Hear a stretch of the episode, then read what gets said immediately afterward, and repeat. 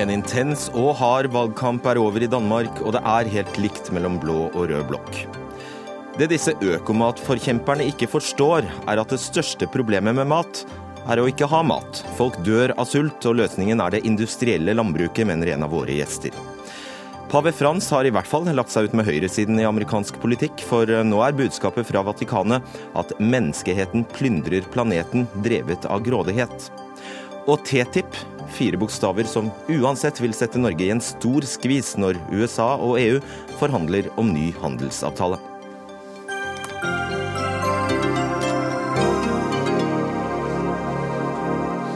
Riktig god kveld og velkommen til Dagsnytt 18. Jeg heter Fredrik Solvang. I dag er det altså folketingsvalg i Danmark, og med dødt løp på meningsmålingene og mange velgere som ikke bestemmer seg før i aller siste liten, blir det en uhyre spennende valgkveld. Utenriksmedarbeider Joar Hoel Larsen på plass i København. Når det er så jevnt mellom blokkene, er det vel mange politisk interesserte som holder pusten? Ja, holder pusten. Er, noen er preget av forventning, mens andre er mer bekymret. Men det er såpass jevnt fordelt på, på begge leirer at det går opp i opp. Men de har jo fortsatt, da, det skulle vært slutt på valgkampen i går, men de holder på, jeg har sett på fjernsynet her, at de er inne fra forskjellige torv og streder her i København. Og begge de to statsministerkandidatene de, de holder på fremdeles selv om det nå begynner å nærme seg slutten på også selve valgdagen. Når er det dørene stenger? De stenger klokken åtte lokal tid, som og for seg er det samme som i, i, i, Norge. Og da regner man med at det kan bli satt ny fremmøterekord. Den gamle er på hele 87 eh, Man eh, ligger likt med skjema, har jeg skjønt her, og håper kanskje at de innspurten skal bli enda mer trøkk, slik at kommer man opp i 88% så er jo det helt utrolig bra for valginteresse og fremmøte å være. En valgdagsmåling gjort for gratisavisen Metro Ekspress viser at den blå blokka får 88 mandater og den røde 87. Kan vi stole på den målingen?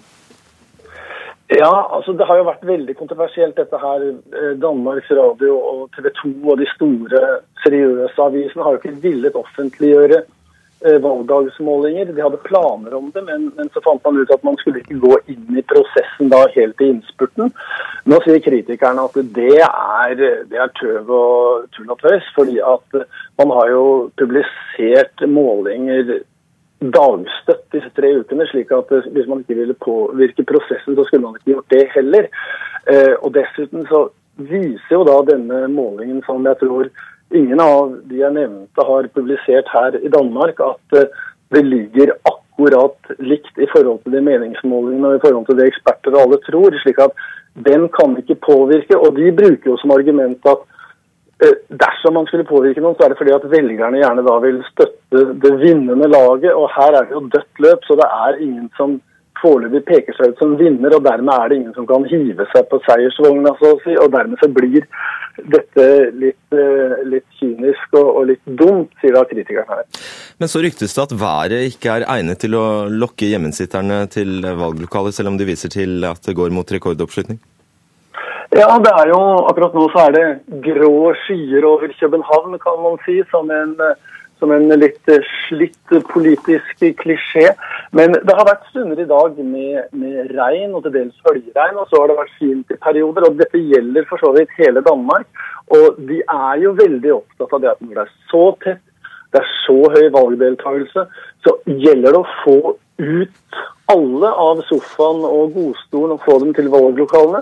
Og da er det tradisjon for at i godvær så er det flere som møter frem. Og man har også sett på TV fra store deler av landet her i dag at i de periodene hvor det har regna, så er valglokalene tomme. Og når det er pent vær, så er det lange køer. Mm. Og så kan stemmene fra Færøyene og Grønland eh, bli viktige, altså de tidligere koloniene? Ja, Det er jo det som er det helt uh, usannsynlig interessante akkurat ved dette valget. fordi at uh, Man må ha 90 mandater for å ha flertall. Og, og hvis det ligger an da til at begge blokkene ligger i underkant av 80, så vil disse fire nordatlantiske uh, representantene som man har der, to fra Færøyene, to fra Grønland, komme i vippeposisjon. Og Da kan man få den absurde situasjonen at et parti på Færøyene som kjemper for løsrivelse og selvstendighet fra Danmark, altså får helt avgjørende innflytelse på dansk politikk. Og da har det tradisjonelt vært sånn at eh, Grønland sender to røde representanter, og Færøyene én rød og én blå? Ja, eh, men så er det ingen som helt tør å, å stole på disse tradisjonene på på de nordatlantiske øygruppene som da sorterer under Danmark, og som da har grunnlovsfestet disse fire mandatene. Slik at man eh, regner også med at et lite politisk opprør på Færøyene kan feie inn disse republikanerne, som, som altså da gjerne vil ha egen grunnlov og selvstendighet. Slik at det er helt åpenbart frykt og også en viss undring over at eh, Danmark selv lar seg havne i, i den situasjonen. Ingvar Hamnen, du er Norges ambassadør til eh, Danmark. Hva vil du si har kjennetegnet denne valgkampen? Nei, Det har jo vært en, eh, en svært intens valgkamp. Eh, valgsystemet her i, i, Danmark er jo at det er opp til statsministeren å selv bestemme når det skal holdes valg innenfor fireårsperioden.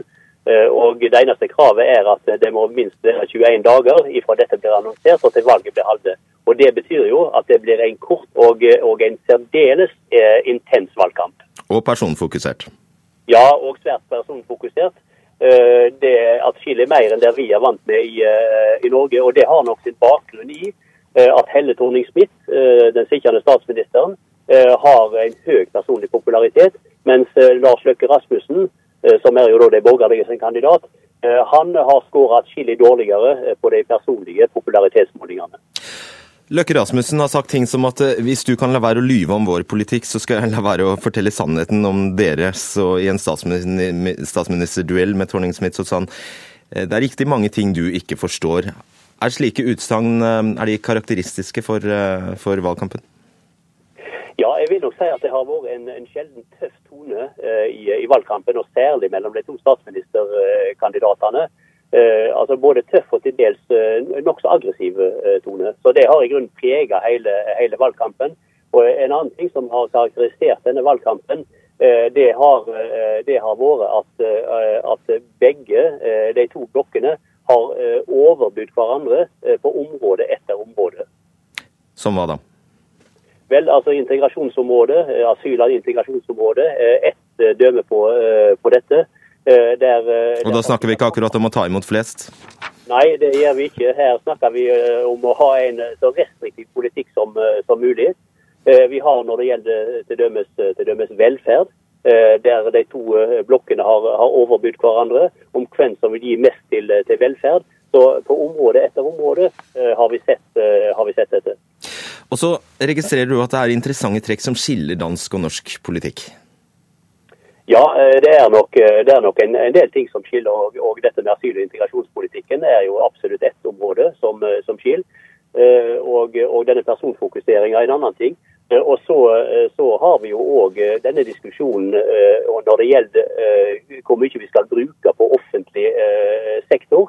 Der har jo Blå blokk gått ut og argumentert for nullvekst i, de nærmeste fire år. Og dette har jo vært et av angrepspunktene fra regjeringa som, som sier at eh, vel, eh, dersom blå blokk skal oppfylle alle eh, de gode intensjonene om, om, å gi mer til ulike områder, både til barn, både til, til helse, til velferd osv., så, videre, så lar faktisk ikke det seg gjøre med nullvekst i offentlig sektor.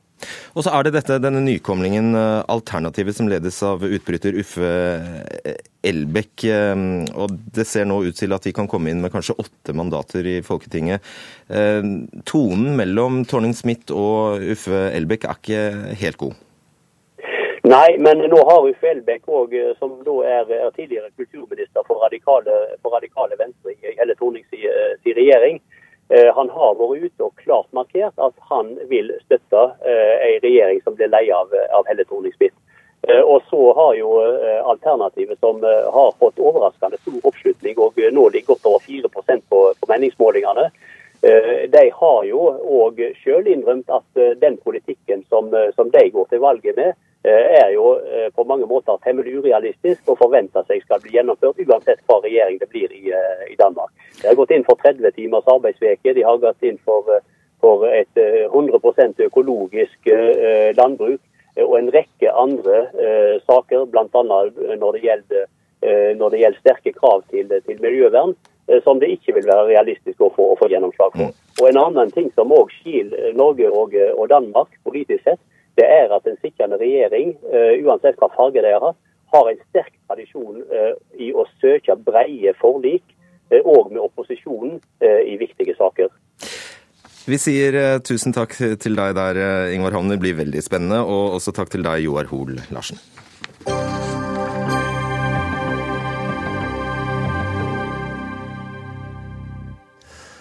Ja, I dag besluttet hovedstyret i eh, Norges Bank å kutte styringsrenten med 0,25 prosentpoeng til 1 prosent. og dermed er styringsrenten på et historisk lavt nivå. Øystein Olsen, sentralbanksjef. Du måtte vel nesten gjøre dette, sette ned renta for å bevare, for å ikke framstå helt uforutsigbar? Vi, dvs. Si hovedstyret, tok beslutningen i går, bare for å være helt presis. Eh, pressekonferansen var i dag. Eh, bakgrunnen for dette er at eh, norsk økonomi har utviklet seg noe svakere den senere tiden, også når vi sammenligner med vår forrige rapport fra mars. Så dette var en, en en godt varslet rentenedsettelse. Så nå, når utviklingen har vært enda litt svakere enn det bildet vi hadde forrige gang, så, så, var ikke dette var ikke noen krevende beslutning. Så har du bare til det, disse tallene, altså bakgrunnstallene. Eh, har, du har tidligere sagt at Norges Bank fester mest lit til Navs eh, rapport. Og Navs rapport sier vel at eh, det egentlig er en utflating og ikke nødvendigvis en sterk økning i arbeidsledigheten? Av ledigheten. Vårt bilde av ledigheten er at den, den, den, er, den, øker noe. Den har økt noe. Også den registrerte ledigheten har tikket litt opp, om lag i tråd med våre anslag. Og så har Statistisk sentralbyrås mål på ledigheten, den såkalte AKU-ledigheten, den har tiltatt noe mer. Ledigheten er på vei noe opp i Norge, det er vårt bilde. Men det er ikke noe dramatikk i arbeidsmarkedet foreløpig. Så det vi ser fremover, er en avdemping, en klar avdemping av eh, veksttakten i norsk økonomi, med den konsekvensen i arbeidsmarkedet som jeg har beskrevet. Bakgrunnen for dette er eh, langt på vei det som skjer i oljesektoren. En omstilling i oljesektoren eh, etter en lang opptur. En tilpasning til et litt lavere aktivitetsnivå, som er påvirket også av en klart lavere oljepris i forhold til ett år tilbake. Så norsk økonomi er inne i en omstilling. Det har Så stor som oljen er i norsk økonomi, så har det betydelig ringvirkning for økonomien. Og, og pengepolitikken eh, reagerer på dette eh, for å stimulere økonomien, for å stimulere andre deler av økonomien, for å motvirke den, nettopp den økte ledigheten som vi, som, vi, som vi, ser i noen grad. Hva er det du oppnår ved å sette ned renta? Ja, Da oppnår vi mange, flere ting. For det første så er vårt hovedmål over tid det er å sørge for at inflasjonen er lav og stabil. Eh, det vi gjør med renten via ulike kanaler, Eh, kanskje det mest direkte er betydningen på importert prisstigning omregnet i norske kroner. Eh, bidrar til, opp, til, å, til at vi når målet. Eh, så er prisstigningen i Norge veldig nær målet. Og, og, og gitt at vi har den, den, forankringen, så er det også i tråd med mandatet vårt å, å, sørge for at vi kan stimulere økonomien når det er behov for det, sånn som det er i tider som dette. Um, hvor stor er da sannsynligheten for at vi skal enda lenger ned? Den sannsynligheten eh, tallfester vi egentlig ikke. Men det vi sier Vi, vi, gjør, vi, gjør, vi gjør, to ting som vi presenterer i rapporten også. Vi presenterer eh, anslag for norsk økonomi, herunder anslag for renten. En såkalt rentebane. Og den rentebanen som vi i dag presenterer, som man kan si er den den, det blir neppe nøyaktig slik, men, men, det er den mest sannsynlige utviklingen for norsk økonomi. De anslagene vi presenterer, eh, i tråd med det, så går, skal renten ytterligere litt ned i løpet av eh, høsten dersom eh, det går som vi nå ser for oss.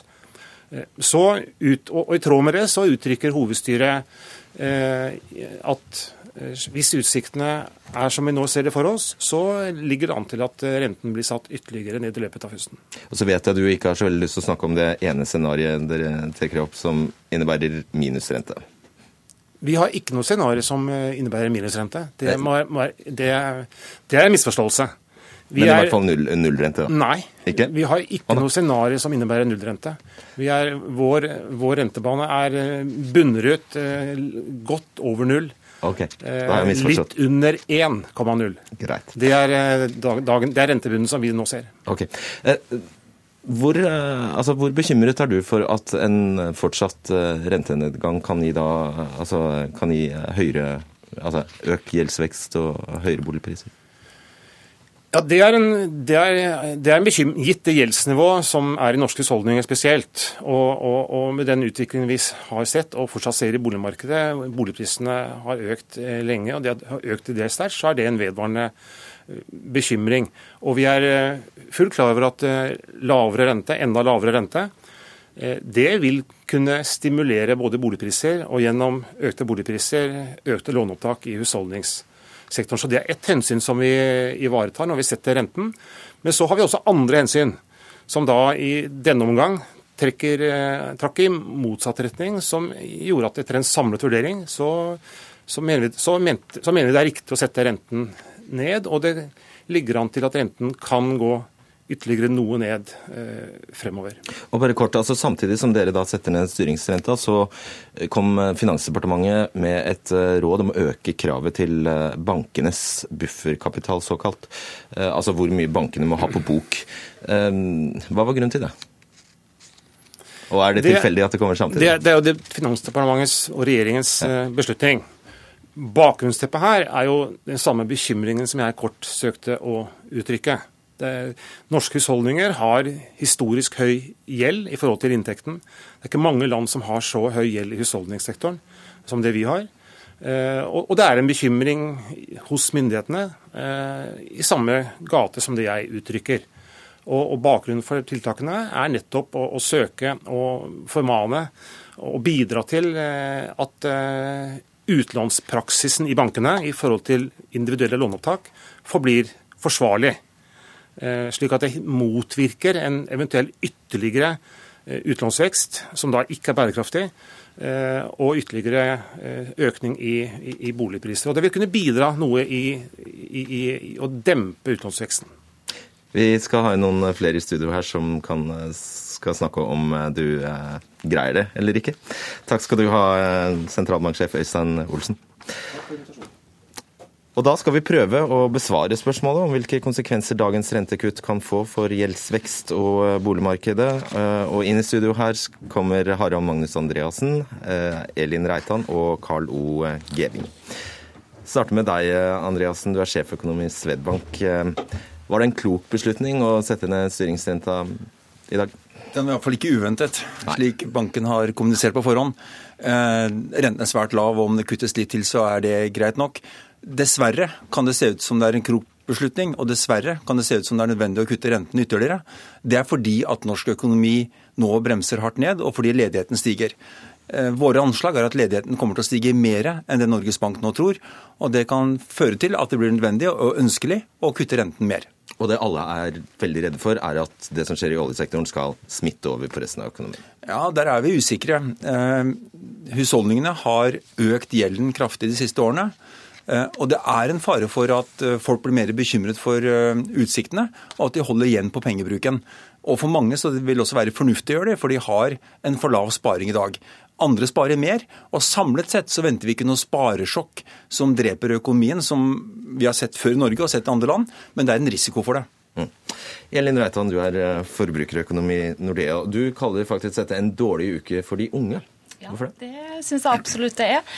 Eh, først kom jo den boligpakken eh, fra regjeringa, eh, og den vil jo sannsynligvis gjøre det vanskeligere for de unge å, å, komme seg inn på boligmarkedet, fordi det vil bli vanskelig for dem å få, vanskeligere for dem å få lån. Og så blir renta satt ned, og det vil også føre til at boligprisene øker. For renta er jo det som på en måte kaster mest brensel på denne Eh, hete boligmarkedet. Eh, og alt i alt så har det jo da blitt eh, atskillig vanskeligere for de unge å komme inn på boligmarkedet. Så en dårlig uke, tenker jeg. Så hører vi Olsen her håpe på at disse to tiltakene, eller at disse utligner hverandre.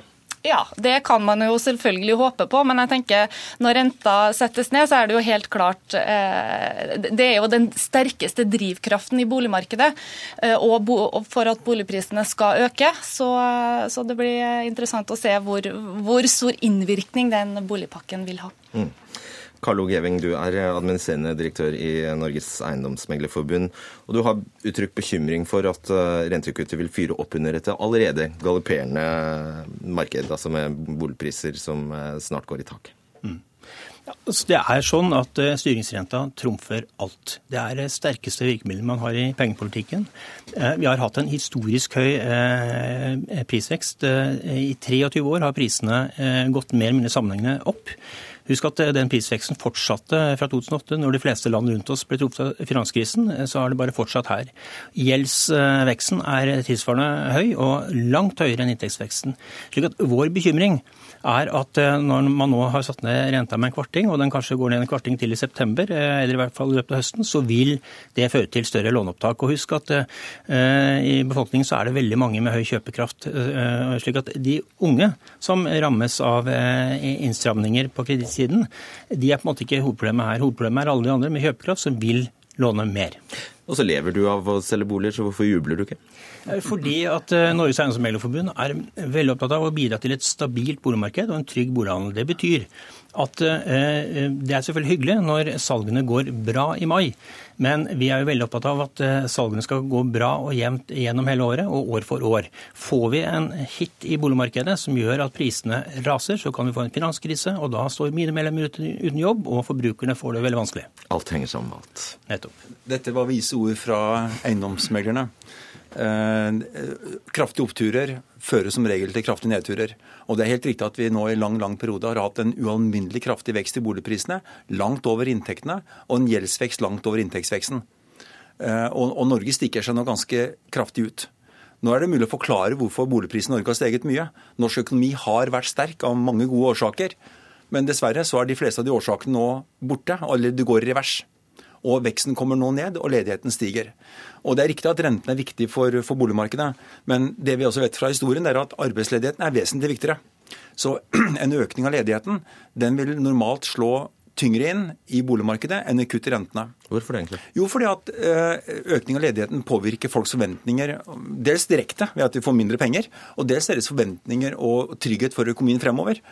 Og i, eh, i mange land så har man prøvd å motvirke fall i boligprisene og en svakere økonomi med kutt i rentene og ned til nullpunktet. Og boligprisene har like ja, falt kraftig, mm. og det har ikke latt seg stoppe av lav rente. Eh, og I Norge så er tankekorset ganske enkelt at selv om økonomien inntil i dag har vært grei, gjeldsveksten har vært høy og boligprisen har steget mye, så har vi funnet det nødvendig å kutte renten ned til 1% Vi har lite å gå på til den dagen eventuelt økonomien blir så svak som den har vært i mange andre land rundt oss, eh, og som har opplevd kraftig fall i boligprisene og, og nedbetaling av gjeld. Og da har vi lite, ja, vi har brukt opp kruttet i stor grad mens vi fortsatt hadde en sterk økonomi. Og kanskje vil det vise seg at vi har vært for aggressive på rentepolitikken og brukt opp kruttet før vi egentlig trengte det. Altså, Bekymringen nå er jo at eh, vi fortsetter å eh, fyre opp boligprisene gjennom at det er tilnærmet gratis å låne penger. Og så er det helt sikkert riktig det Harald Magnus sier, at eh, arbeidsledigheten er den største trusselen. Eh, men problemet er jo at vi fortsetter å fyre, og prisene blir høyere og høyere, og flere og flere går inn i markedet. Hva hvis folk begynner å miste jobbene i større grad? Da kan du få en ubalanse. Og jeg tror vi alle er enige om at, eh, at det, det, det handler om nå, det er jo å skape en varig balanse, et, et bærekraftig boligmarked, slik at vi kan ha det godt i dette landet i årene som kommer. Og bare la meg si at Vi har alle stor forståelse for de avveiningene som Norges Bank må gjøre. Det er svært vanskelige vurderinger. Min bekymring er boligmarkedet. Mm. Uh, Reitan, hvis vi primært snakker om de som er i jobb her, hvordan vil dette rentekuttet påvirke folks lommebok? Det vil jo selvfølgelig For dem som har boliglån, så vil det jo gi et større overskudd i lommeboka. Vi får mer eh, penger til overs, mer penger vi kan handle for. Eh, og det jo, føles jo sikkert veldig positivt for dem det gjelder. Eh, og, og de fleste, eller i hvert fall veldig mange, ser jo utelukkende eh, positivt på at renta går ned.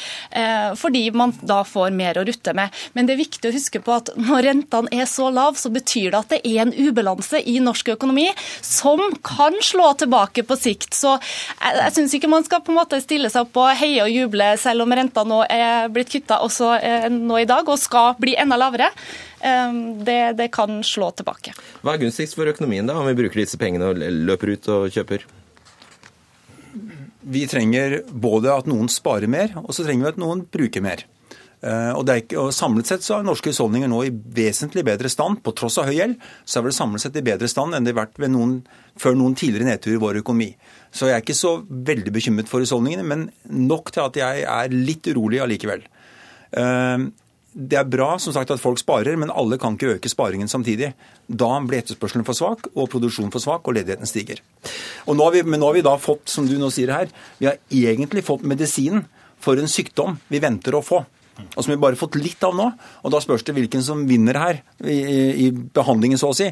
Om rentemedisinen er nok til å, å stabilisere økonomien, og eventuelt om vi får da en backlash den dagen ledigheten faktisk stiger videre, som vi tror den kommer til å gjøre. Eh, hvor viktig det anføres her at, eh, at lønnsveksten ble lavere enn det Norges Bank trodde. Eh, hvor viktig er det? Ja, Det er et element, og det bidro til å trekke ned rentebanen til Norges Bank og lå bak det signalet banken nå ga. Vi mener at Norges Bank har vært litt treg til å skjønne at eh, arbeidsgivere og arbeidstakere nå har, fått, har skjønt at lønnsveksten i Norge, etter å ha ligget langt, langt over lønnsveksten i andre land i mange år, hvor vi hadde god råd til det, nå har vi ikke råd til det.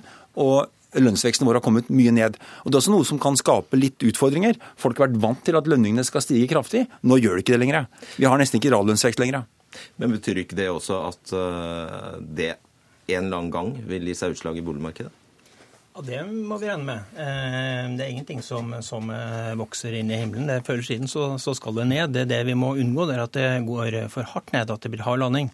Eh, og Derfor er det så viktig å demme opp for den utviklingen vi ser. Altså, eh, bekymringen er jo at eh, man i så stor grad har tillatt låneopptak som er helt på, på, på, grensen av hva som er greit. Altså Mange mennesker som tar opp lån med negativ likviditet. og Den eneste grunnen til at de får lån, er at de får da egenkapital tilført av foreldrene og får tilleggssikkerhet. Og Da kom det en såkalt pakke fra regjeringen. Var den tilstrekkelig? Jeg er veldig glad for at regjeringen har tatt dette på alvor og, lagt fram en bred strategi. Men strategi er jo ofte ikke veldig konkret. Det er ikke denne heller. Det som eh, har skjedd på kredittsiden, det vil sikkert eh, Harald Martin eh, kunne, kunne analysere grundigere, men, men, vi tror at det er ganske balansert og fornuftig. Når det gjelder tilbudssiden, så tar det tid. Det å få bygget flere boliger.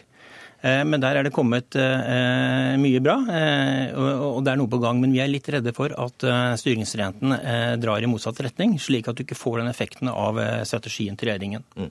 Reitan, er det for mye forlangt å vise pekefingeren til, til låntakerne og si nå må du ikke ta opp så mye lån?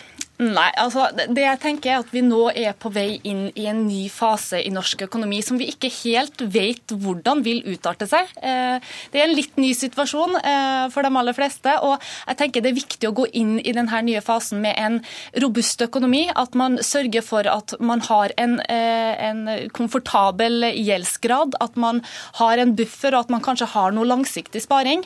For det er viktigere enn aldri før å, å, ha, å, å ruste opp økonomien da, eh, for å gå inn i denne nye fasen, tenker jeg.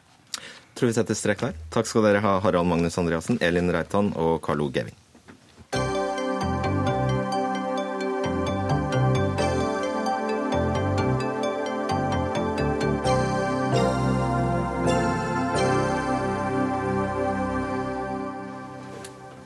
En lege, les Gunhild Stordalen. En forfatter, les Gert Nygårdshaug. Og en gourmetrestaurantgründer, les Maemmo-eier Jon Frede Engdahl, har i det siste framført omtrent følgende budskap. Vi må bort med monokulturene. Vi må ha kortreist økologisk mat på alle bord, og vi må ha det nå. Da blir helsa bra, og mikroorganismene, biene, sommerfuglene og gourmetrestaurantgjestene blir glade. Men vi vil også få en global sultkatastrofe som ville desimert jordas befolkning. For det største problemet med mat er å ikke ha mat. Nesten én milliard mennesker er kronisk underernært, og folk dør av sult. Så det er du, journalist og agronom Øystein Heggedal, som kommer med denne kraftsalven på NRK Ytring. Og du slår et slag for det samme industrilandbruket som for så vidt eh, bokstavelig talt betaler lønna di. Velkommen. Takk skal du ha.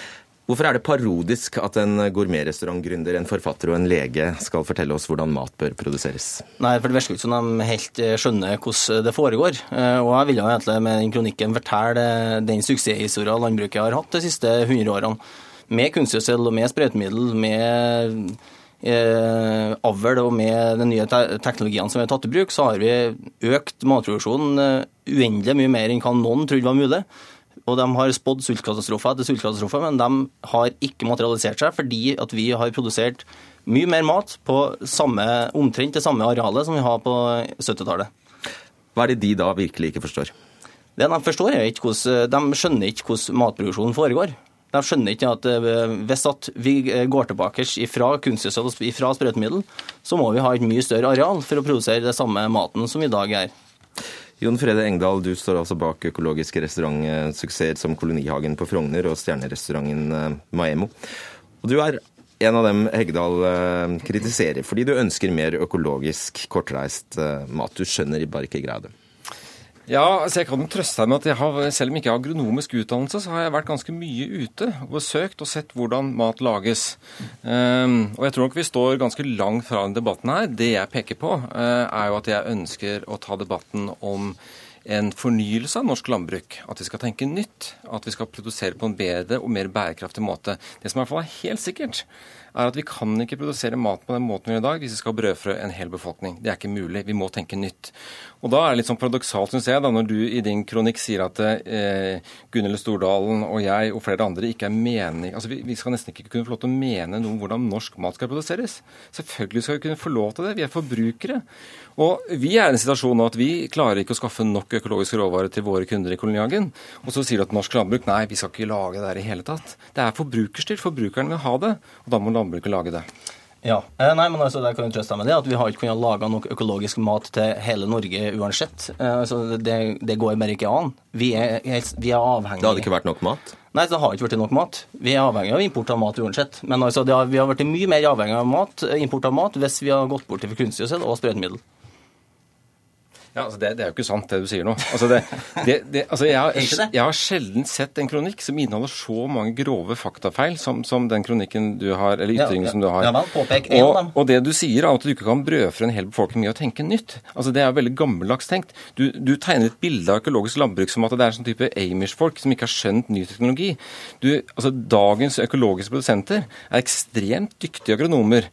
Du tegner et bilde som at man ikke tar i bruk melkemaskiner, roboter og nye tenkninger. Det kan nesten virke som du er redd for at du ikke skal selge flere traktorer, siden du sitter i et magasin som promoterer det. Jeg kan trøste deg med det at en økologisk bondelag er langt framme og produserer et høyt volum, eh, og han kommer fortsatt til å kjøpe traktorer.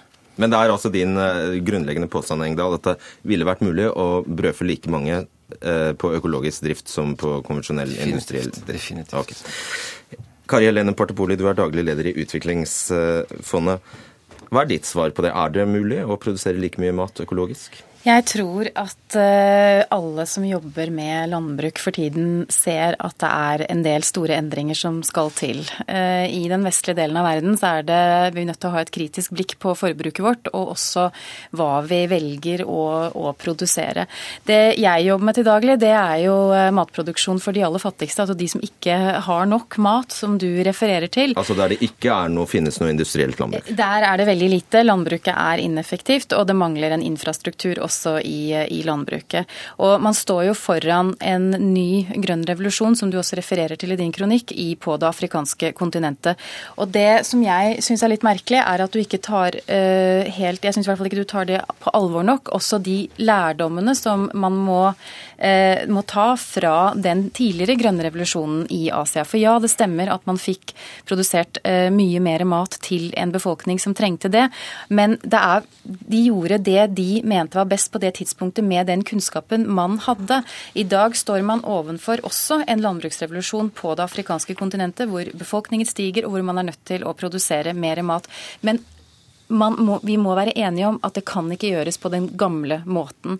Det må tas hensyn til naturens bærekraft, klimatilpasning, sårbarhet. Og jeg mener at økologisk landbruk er en game changer som setter dette veldig på dagsorden. Men det er mange ulike bærekraftige metoder som vi må være åpne for. Altså, når du starter med et utgangspunkt som du har i det afrikanske landbruket i dag, så er, så er økologisk landbruk et kjempefremskritt. Det er ingen tvil om. Jeg har jo lest flere rapporter som viser at du kan øke matproduksjonen i Afrika opptil 50% med å gå ifra null kunnskap til økologisk. Men derifra og til å ta ut de avlingene som vi er i Europa, og i USA og i Asia i dag, ikke, du har ikke sjans uten å ta alle verktøyene i bruk, som da òg innbefatter genteknologi, det innbefatter kunstgjødsel og det innbefatter sprøytemidler. Men altså, Afrika kommer ikke til å komme dit i morgen. De kommer til å bruke kanskje 50 år på å gjøre det. Svar kort på det. Det er en, det er en veldig forenklet uh, diskusjon på et veldig komplekst spørsmål, dette her, om det skal være økologisk eller industrielt. Det er ikke spørsmål om at business as usual og den veksten på den måten som vi har sett i den vestlige verden, kan gjenskapes på det afrikanske kontinentet. Dessverre så er For det det sånn tåler ikke jorda? Det, det gjør ikke det, og hele kloden gjør ikke det. Det må tas ansvar her eh, i den vestlige delen. Og eh, dessverre så blir det en større utfordring for det afrikanske kontinentet. Mye kan gjøres med bærekraftige metoder, klimasmart landbruk. Økologi er en del av svaret. Eh, og det er klart at en større grad av industrialisering også er, er nødvendig. Engdahl, Hegdal har vel rett i at det er takket være oppbyggingen av industrilandbruket at så mange munner blir mettet i dag? Ja, altså det er klart at det, det, hadde vært rart å sitte her etter krigen og ta diskusjonen om hvorvidt vi skal bare kjøre industrilandbruk, for vi må mette folket. Men så har vi kommet til et punkt hvor i hvert fall i Norge så er befolkningen mettet. Og da mener jeg det må være legitimt og må være lov å stille spørsmålstegn. Kan vi lage bedre mat? Kan vi lage mer etisk mat? Og det er klart at hvis industrialiseringen skal få lov til å fortsette uten at man stiller noen spørsmål, så kan vi selvfølgelig lage billigere kylling enn vi kan i dag. Det er bare å dytte enda flere kyllinger inn. Gi dem enda mer antibiotika. Gi dem enda dårligere fôr. Men det er ikke løsningen. Og da må det være lov tenker jeg, å stille spørsmål som forbruker, selv om jeg ikke er agronom, og si at det, kan vi lage bedre mat, og kan også være mer bærekraftig, og så får du bedre smak på kjøpet. Ja, Du skal få lov til å stille spørsmål, og jeg får lov til å svare i den ytringen som jeg har gjort i dag. Men altså, kyllingen får et dårligere fôr. Han får aldri, Kyllinger har aldri hatt så bra fôr. Griser har aldri hatt det så bra i fjøsene som de har i dag. Ok, det, Så fôr med antibiotikalignende stoffer og soya fra Brasil, det, det er liksom det er tommel opp? Ja. Det, det, er, bruk av norsk det, landbruk? Det er det raskeste måten å ja, raskeste få måten, produsere, ja. raskeste produsere kjøtt på. Ja. Og de, da eter de minst. Og da kan vi produsere mest okay. mulig kjøtt per arealenhet. Men du skjønner ikke den arealenhetsfunksjonen. Hvis målsettingen er å produsere mest og raskest, så har du rett. Men jeg vil ikke ha raskest og Nei. mest. Jeg vil ha best. Du vil drive gourmetrestaurant, og det er greit. Nei, jeg må også si at Det finnes jo også, også av de store industrielle produsentene f.eks. på det amerikanske kontinentet som, som, legger om, kanskje ikke nødvendigvis i sertifisert økologisk landbruk, men som legger om hvor det er mindre utslipp og mer, mer bærekraftig på naturens premisser, produksjon. Og de produserer også mye mat og klarer seg i, eh, i det konkurranselandskapet som finnes. Det finnes også eksempler på det i den, i den vestlige industrialiserte verden. Sånn at, at man må se på matproduksjon og se på bærekraften Eh, i det, det, systemet vi har. Det er det ikke tvil om. Eh, og så tror jeg at svaret er ikke det ene eller det andre. Her må man være åpen for mange ulike nye agronomiske metoder. Men, eh, men det blir helt feil å si at økologien er, er fienden og vil skape en sultkatastrofe. Det, det, det, vil det ikke gjøre. Økologien er en game changer som gjør at vi får en bevissthet omkring, omkring matproduksjonen. Eh, økologi eh, det er selvfølgelig en del av hele greia med å være agronom. Men det som er fint med konvensjonelt landbruk og industrilandbruk, er at vi kan ta i bruk alle teknologier. Vi kan ta i bruk alt. Vi kan ha vekselbruk, vi kan ha monokulturer, vi kan eh, bruke sprøytemidler, vi kan bruke insekter hvis det, hvis det er behov for. Men hvis du krever det at matproduksjonen skal foregå økologisk, så velger du bort en hel haug med verktøy som, vi, som er grunnen til at vi kan sitte her i dag. Ja, altså Du skriver i kronikken din at når vi skal brødfø syv milliarder mennesker, så må vi tåle å knuse noen egg. Og jeg må jo si at det er ganske, ganske frekk nesten tilnærming til, til, problemstillingen å si at det handler om å knuse noen egg. Altså Vi står kanskje uten, overfor den, en av de største utfordringene framover, hvor vi begynner å få antibiotikaresistens som smitter over. Ikke sant? Dette er en konsekvens av en hard industrialisering. Eh, vi eh, er snart kanskje ikke noe igjen på denne planeten her. Og så kaller dette her å knuse noen egg. Jeg vil jo si at dette her er en ganske mye større ringvirkning som vi ser konsekvensen av nå, eh, etter en ganske hard og lang industrialisering av landbruket. Og da, jeg, Det eneste jeg inviterer til Jeg tror ikke at økologi, økologisk landbruk er det eneste løsningen. Og jeg tror ikke at hele befolkningen skal spise økologisk mat heller. Men jeg tror at man kan være åpen for å tenke nytt og si at vi må tenke mer kretsløpstankegang. Det må være mer bærekraft og lære av hverandre, og ikke være sitte sånn at nei, dette her, alt økologi, det er, liksom, det, er det verste vi noensinne har hørt om. Det ble siste ordet. Takk skal dere ha, Øystein Hegdal, Jon Frede Engdahl og Kari Helene Partepol.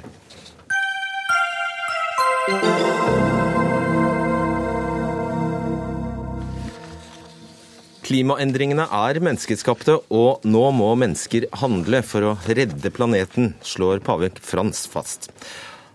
Det gjør han i et 200 sider langt brev til verdens 500, 5000 katolske biskoper. Men rop om hjelp går til alle mennesker på planeten. Klimaskeptikerne har avvist pavens oppfordring allerede før rundskrivet ble offentliggjort, og det skal vi komme tilbake til. Men eh, først, Terje Åsmundsen, du er styreleder i Caritas Norge. Og dere er altså en internasjonal eh, hjelpe- og utviklingsorganisasjon tilknyttet den katolske kirken. Hva slags brev er dette? Dette er eh, et såkalt lærebrev hvor paven på en ganske jeg vil si, jeg vil si overraskende og en veldig ny og spennende måte setter hele debatten om vår kvaliteten av vår økonomiske utvikling, vårt forhold til naturen, klima, i sammenheng med, med våre forpliktelser som, i, i, forhold til skaperverket og i forhold til uh, den troen og det verdigrunnlaget som uh, på en måte er nedarvet gjennom, gjennom, evangeliet. Så det er en ganske unik uh, jeg vil si, dokument som forsøker å forene et kristent perspektiv på menneskets plass i samfunnet med en veldig, veldig kunnskapsbasert og analytisk forståelse av hva som egentlig er problemet med vårt samfunn slik det er. Er det ment som en, er det ment som en slags doktrine?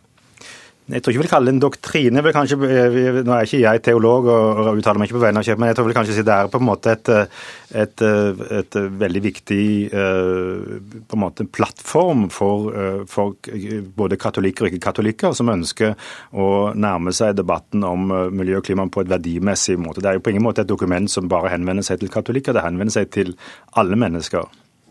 Alle er ikke like begeistret for dette? Nei, naturligvis. Fordi det er jo ganske oppsiktsvekkende at en eh, pave sier så veldig klart ifra at vi f.eks. er nødt til å fase ut eh, forbruk av fossil energi så snart som mulig. Det er klart dette er, eh, dette er kontroversielt, men nettopp fordi paven har fått den unike troverdigheten og posisjonen som han har i, i hele verden, så gjør det ekstra, det ekstra sterkt og sterkt utfordrende at han sier dette. Tove Bjørgaas, USA-korrespondent. Dette er ikke særlig godt mottatt i visse kretser eh, i det republikanske partiet i USA. Og Jeb Bush, presidentkandidat for republikanerne, som selv har konvertert til katolisismen, er ikke begeistret over pavens råd. I dag at han går til messe for å høre Guds ord, ikke for å høre om politikk. Eh, og her er det mange som mener at paven ved gjøre dette blir politisk, fordi de mener at dette med klimapolitikk er et politisk spørsmål og ikke et moralsk spørsmål, som det er det paven ønsker å gjøre det til. For der borte i USA så finnes det fortsatt eh, klimafornektere? Her finnes det mange klimafornektere, og den fremste av dem kan man nesten si, det er James Inhoff, som er senator og leder i miljøkomiteen i Senatet av alle ting. Han er republikaner, ikke katolikk riktignok, men sa i dag at han har fått masse telefoner fra sinte katolikker som ikke skjønner hva dette er for noe, og lurer på hva de skal gjøre nå. Eh, men, er, men samtidig så må jeg jo si at det er veldig veldig mange her som er glade også for at paven gjør dette. Grunnen til at det får så stor oppmerksomhet, er nok at han kommer hit på et stort uh, offisielt besøk i september. Uh, det, er, det er så mange mange katolikker gleder seg til. og En, en meningsmåling jeg så i dag viser at et flertall av amerikanske katolikker uh, de er for en mer aktiv klimapolitikk. Så sukrer han jo for så vidt pillen litt. Han erkjenner i dette brevet at klimaendringene delvis faktisk kan skyldes naturlige fenomener som vulkansk aktivitet og aktivitet på sola. Og Hvis det da ikke er menneskene alene som står for ødeleggelsen, eh, blir det da litt mer spiselig for Bush? Ja, det blir kanskje litt mer spiselig for alle, men samtidig så peker jo paven på at vi ikke kan fortsette på denne måten, og at menneskene må gjøre noe med måten de bruker, eh, bruker ressursene på jorda på.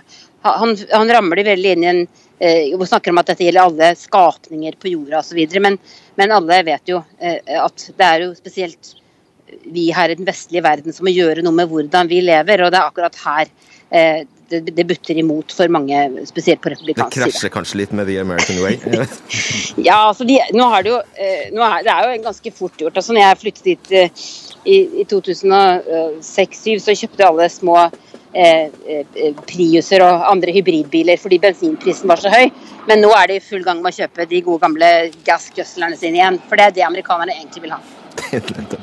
ja, Åsmundsen, Paven høres jo nesten ut som en slags krysning av Marx og Rasmus Hansson her. Det er politikk. Ja, men jeg tror det er veldig viktig for, for å understreke at uh, dette, dette, handler ikke om klima primært. Det handler nok om menneskets forhold til naturen i det hele tatt. Og uh, det han, haven, paven er bekymret for, det er jo betingelsene for at menneskene skal kunne utvikle som er med ni milliarder mennesker i, på, en, på, en, jordklode som da uh, raskt overforbruker ressursene og raskt fører til ødeleggelse av en rekke si, økologiske systemer. Det paven peker på at dette rammer ikke primært naturen, men det rammer menneskene. Og Han dokumenterer også dette. Dette kommer til å gjøre det vanskeligere for spesielt de fattigste å leve et verdig liv.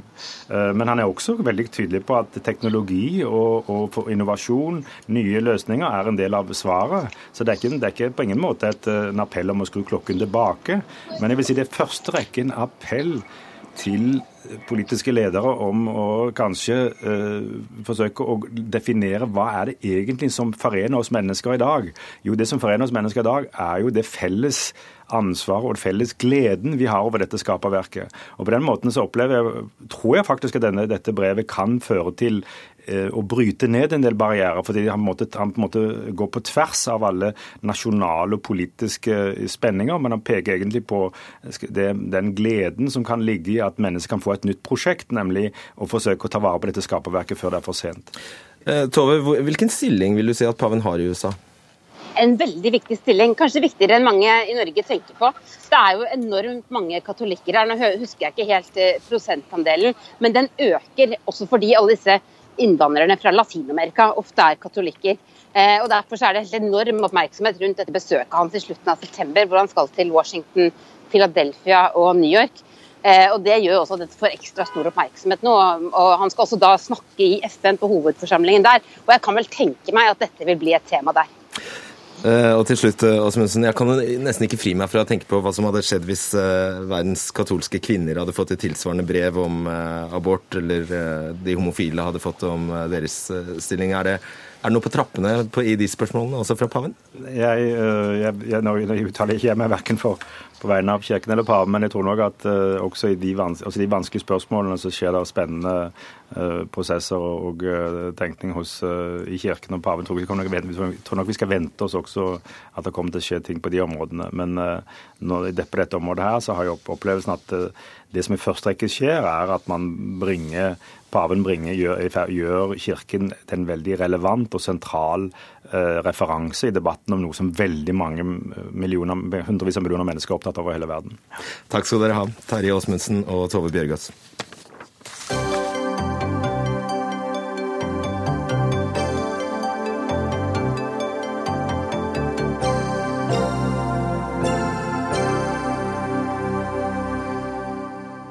I en verden der alt fra biler til offshorefartøyer eh, settes sammen av komponenter produsert i helt ulike deler av verden, trengs et nytt samordnet regelverk og standarder. Og Derfor har EU og USA forhandlet om ny handelsavtale. TTIP, som står for Transatlantic Trade and Investment Partnership. Og selv om Norge ikke er en del av forhandlingene og står utenfor EU, kan vi bli tvunget til å velge mellom store problemer for fiskerieksporten eller en dramatisk nedbygging av tollvernet for norsk landbruk. Altså vi er i skvis. NIPI-direktør Ulf Sverdrup, hvorfor havner vi i den skvisen? Det er jo litt vanskelig å si eh, om vi havner i den skvisen. Det er mye usikkerhet foreløpig. Utgangspunktet er sånn som du sa, at EU og USA skal ha sikte på å lage en avtale om frihandel, men òg sette standarder, eh, felles regler for hvilke produkter og sånn som skal gjelde. I tillegg så har EU og USA en ambisjon om å bidra til å sette de globale standardene eh, for handel. Dette er, kommer til å være betydningsfullt for global handel, men også for Norge. Og så er det jo sånn at Når det gjelder forhold til Norge, så har vi jo Norge EØS-avtalen, som regulerer vårt forhold til Europa. Men vi har ikke noe frihandelsavtale med USA. Kan vi bli medlemmer i dette TTIP om vi vil? Eh, per nå så, så, kan vi ikke det, for vi er ikke medlem av EU og vi er ikke medlem av USA. Men så er det spørsmål om man kan forhandle frem en sånn avtale, eh, men det er foreløpig uklart. Og hva er da dilemmaet? Altså hvis, hvis, vi blir stående utenfor, som er det mest eh, sannsynlig, så vil det gå utover noe? Altså, Utgangspunktet er at når man lager en frihandelsavtale, så er det for å fremme handel mellom partene. Og Derfor så har frihandelsavtalen en handelsvridende effekt. De som er med i avtalen, nyter godt av den. De som ikke er med, kommer litt dårligere ut. For Norges del så betyr dette at handelen vår til Europa er stort sett det samme, men eh, vi vil ikke få samme markedsadgang til USA. I tillegg så frykter man at på noen områder så vil amerikanske konkurrenter få bedre markedsadgang og bedre vilkår enn norske. F.eks. på fisk? F.eks. på fisk, ja. Mm. Kan det vise seg at det beste alternativet for Norge faktisk blir, er å bli med i EU? EU-medlemskapet ville ha løst dette, i den forstand at det ville ikke vært noe skvis. Men EU-medlemskap omfatter mange andre ting òg. Eh, så, eh, så, eh, så skal ikke overdrive betydninga av TTIP. Eh, vi har forsøkt på NUPI å beregne noen av de økonomiske virkningene. og de på sånn overordna nivå så er det ganske moderat. Selv om innenfor visse sektorer vil det ventelig være ganske stor. Men eh, jeg tror EU-saken omfatter mange andre typer spørsmål. Ja, den gjør jo det. Vidar Helgesen, statsråd for EØS-saker og forholdet til EU, eh, representert eh, fra Høyre. Eh, hva gjør Norge? Vi er jo ikke med i forhandlingene, og da gjelder det for oss å vite, få vite mest mulig om hva som skjer eh, i forhandlingene. og Derfor så har vi klart å få en eh, informasjons utvekslingsordning med EU. Bare det satt langt inne. Og så forsøker vi også i Eh, Washington eh, hente ut informasjon fra USA. Eh, det er lettere i Brussel. Det er også nå med en ny svensk handelskommissær blitt mye større åpenhet om forhandlingene. Men det er klart, det at vi ikke sitter ved bordet, det er et stort dilemma. For dette er jo en handelsavtale som vil omfatte markedet der 86% av norsk eksport går. Og da er det ingen attraktiv tanke for Norge å stå helt utenfor det. Liv Signe Navarsete, stortingsrepresentant for eh, Senterpartiet. Eh, du er vel enig i at dette er dilemmaer? Det er alltid dilemmaer, og hvor store de dilemmaene vil bli, det, det vet vi jo først når eh, vi ser innholdet i avtalen. Men det, TTIP har jo noen andre dimensjoner knytta til seg. Og den vil, hvis de lekkasjene og det, det som har kommet ut så langt, holder stikk, flytte ganske mye makt fra folkevalgte Eh, over til eiere og drivere av de store globale eh, selskapene. Og Det er jo derfor kanskje vi stiller en del spørsmålstegn rundt, rundt hele avtalen. Eh, men, og det gjør jo òg EU. E det, det er jo ikke mer enn dager siden det var ganske Eh, stort rabalder i Europaparlamentet. Og en tre, når en så det at det lå an til å bli et nei til hele avtalen, så trekte Juncker eh, altså Da fikk de rett og slett ikke lov å røste. Du kan jo si hva slags skinndemokrati er nå det, når du legger fram en sak, og så ser en at det, det går i feil vei, da, i gåseøyne, og så trekker en hele avtalen. Så, så, det er jo ganske store diskusjoner om dette òg internt i EU, om denne avtalen er tjenlig for, eh, for dem. Ja, så aner vi jo ikke noe om hvor de står i prosessen. Vi aner jo litt, men eh, vi aner eh, ikke alt. Og noe av det regjeringen har bestemt seg for å gjøre, er jo å innhente mer informasjon og sette ned eh, eller få, få bestilt noen konsekvensutredninger. Noe vil bare være spekulasjon, men vi må langs prosessen sørge for at vi er oppdatert i den grad det lar seg gjøre.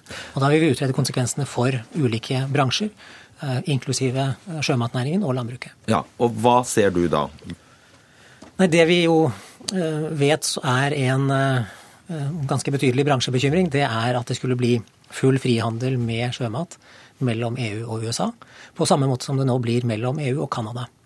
Og Hvis norske sjømateksportører da møter tollbarrierer både i EU, i USA og i Canada, så eh, blir det en dramatisk endret konkurransevirkelighet for norsk sjømat. Og Dette er jo Norges nest største næring. Det er en næring som vi ønsker å mangedoble i størrelse i eh, de neste ti årene. Og eh, det er en gedigen fremtidsnæring for Norge. Og med landbruket, altså det er implisitt her eh, at, at denne frihandelsavtalen vil medføre svekket tollvern? Ja, Vi vet jo ikke hva avtalen vil komme frem til, men hvis det blir en frihandelsavtale på alle sektorer, så vil jo det også dreie seg om landbruket. Og det er vel en bekymring du Fordi på en eller annen måte så er det rart med det disse reglene havner hos oss til slutt gjennom EØS? Eh, ja, eh, det kan de gjøre. Og, hva konsekvensene blir av avtalen, det er veldig vanskelig å spå i dag. Og det, de beregningene som NUPI har gjort, er, sier jo at eh, det samla tapet vil være faktisk under en promille av totaleksporten for Norge. På fisk? På, ja, ikke bare fisk, det går vel på aluminium og fisk og flere, flere bransjer. Okay. Eh, mens de 140 milliardene som, som ligger i matvareindustrien, altså den landbaserte 90 000 arbeidsplasser, da ligger den andre vektskåla. Så, så, det er klart, til sjuende og sist så vil jo dette bli òg innenrikspolitikk og, og dilemma en må ta. Men, eh, men, som sagt, jeg er opptatt av å se på innholdet i avtalen totalt sett. Og jeg er veldig glad for at en i EU òg gjør det. Eh, jeg har bl.a. tenkt å lage noe som heter Regulatory Corporation Council, altså et råd som, der en skal sette fast standarder. Hvis, hvis EU vil endre standarder da, på kjemikalier eller innenfor, for å sikre miljø eller folkehelse, så må de først avtale det med USA før de legger det fram for, eh, for folkevalgte og, og til drøfting. Eh, og den type eh, avtaler, eh, sammen med tvisteløsningsmekanismer, der store selskap kan saksøke stater, altså det er jo det som er den store diskusjonen i EU, mer enn krone og øre for eksporten. For altså, vi er jo alle medlemmer av WTO. Det er jo ikke det store utfallet som vil bli på, toll. Og det, regjeringen skriver jo i sin egen stortingsmelding nå om handel og globalisering at Eh, nå handler det mindre om tollgrenser. Det handler om det som skjer innenfor grensene. Det handler altså om standarder, om reguleringer, eh, om støtteordninger. Og det, det, er jo det som vil være de store spørsmålene når TTIP kommer på bordet. Og, og det er ganske omfattende. Dette høres jo ikke akkurat ut som noe vi vil ha noe med å gjøre. Eh, jo, dette er jo ikke bare en frihandelsavtale, det er også et regelverkssamarbeid. På samme måte som EØS er et regelverkssamarbeid. Det dreier seg om å sette standarder. Og vi eh, tjener jo godt på EØS-samarbeidet, bl.a. fordi det ikke finnes 30 ulike standarder i Europa, men én felles standard. Det er godt for næringslivet. Det sikrer like spilleregler. Og det er jo noe av det man prøver å oppnå nå mellom EU og USA. Og da er det jo naturlig også at skal regelverket endres, så, og standarder endres, så må man snakke sammen innenfor et sånt uh, samarbeidsområde. Uh, skal jeg bare legge til én ting og si det at Den studien vi gjorde, uh, det er snart et år siden vi gjorde den, det var betydelig usikkerhet rundt det. Sånn at effektene kan være annerledes innenfor sektorer. Men så må jeg få lov til å si det at det som du sier, Liv Signe, om at ja, man jobber jo i forhold til å utvikle felles standarder, reguleringer. Og det er det som er viktig, og det er der det største handelshinderet ligger i moderne økonomi.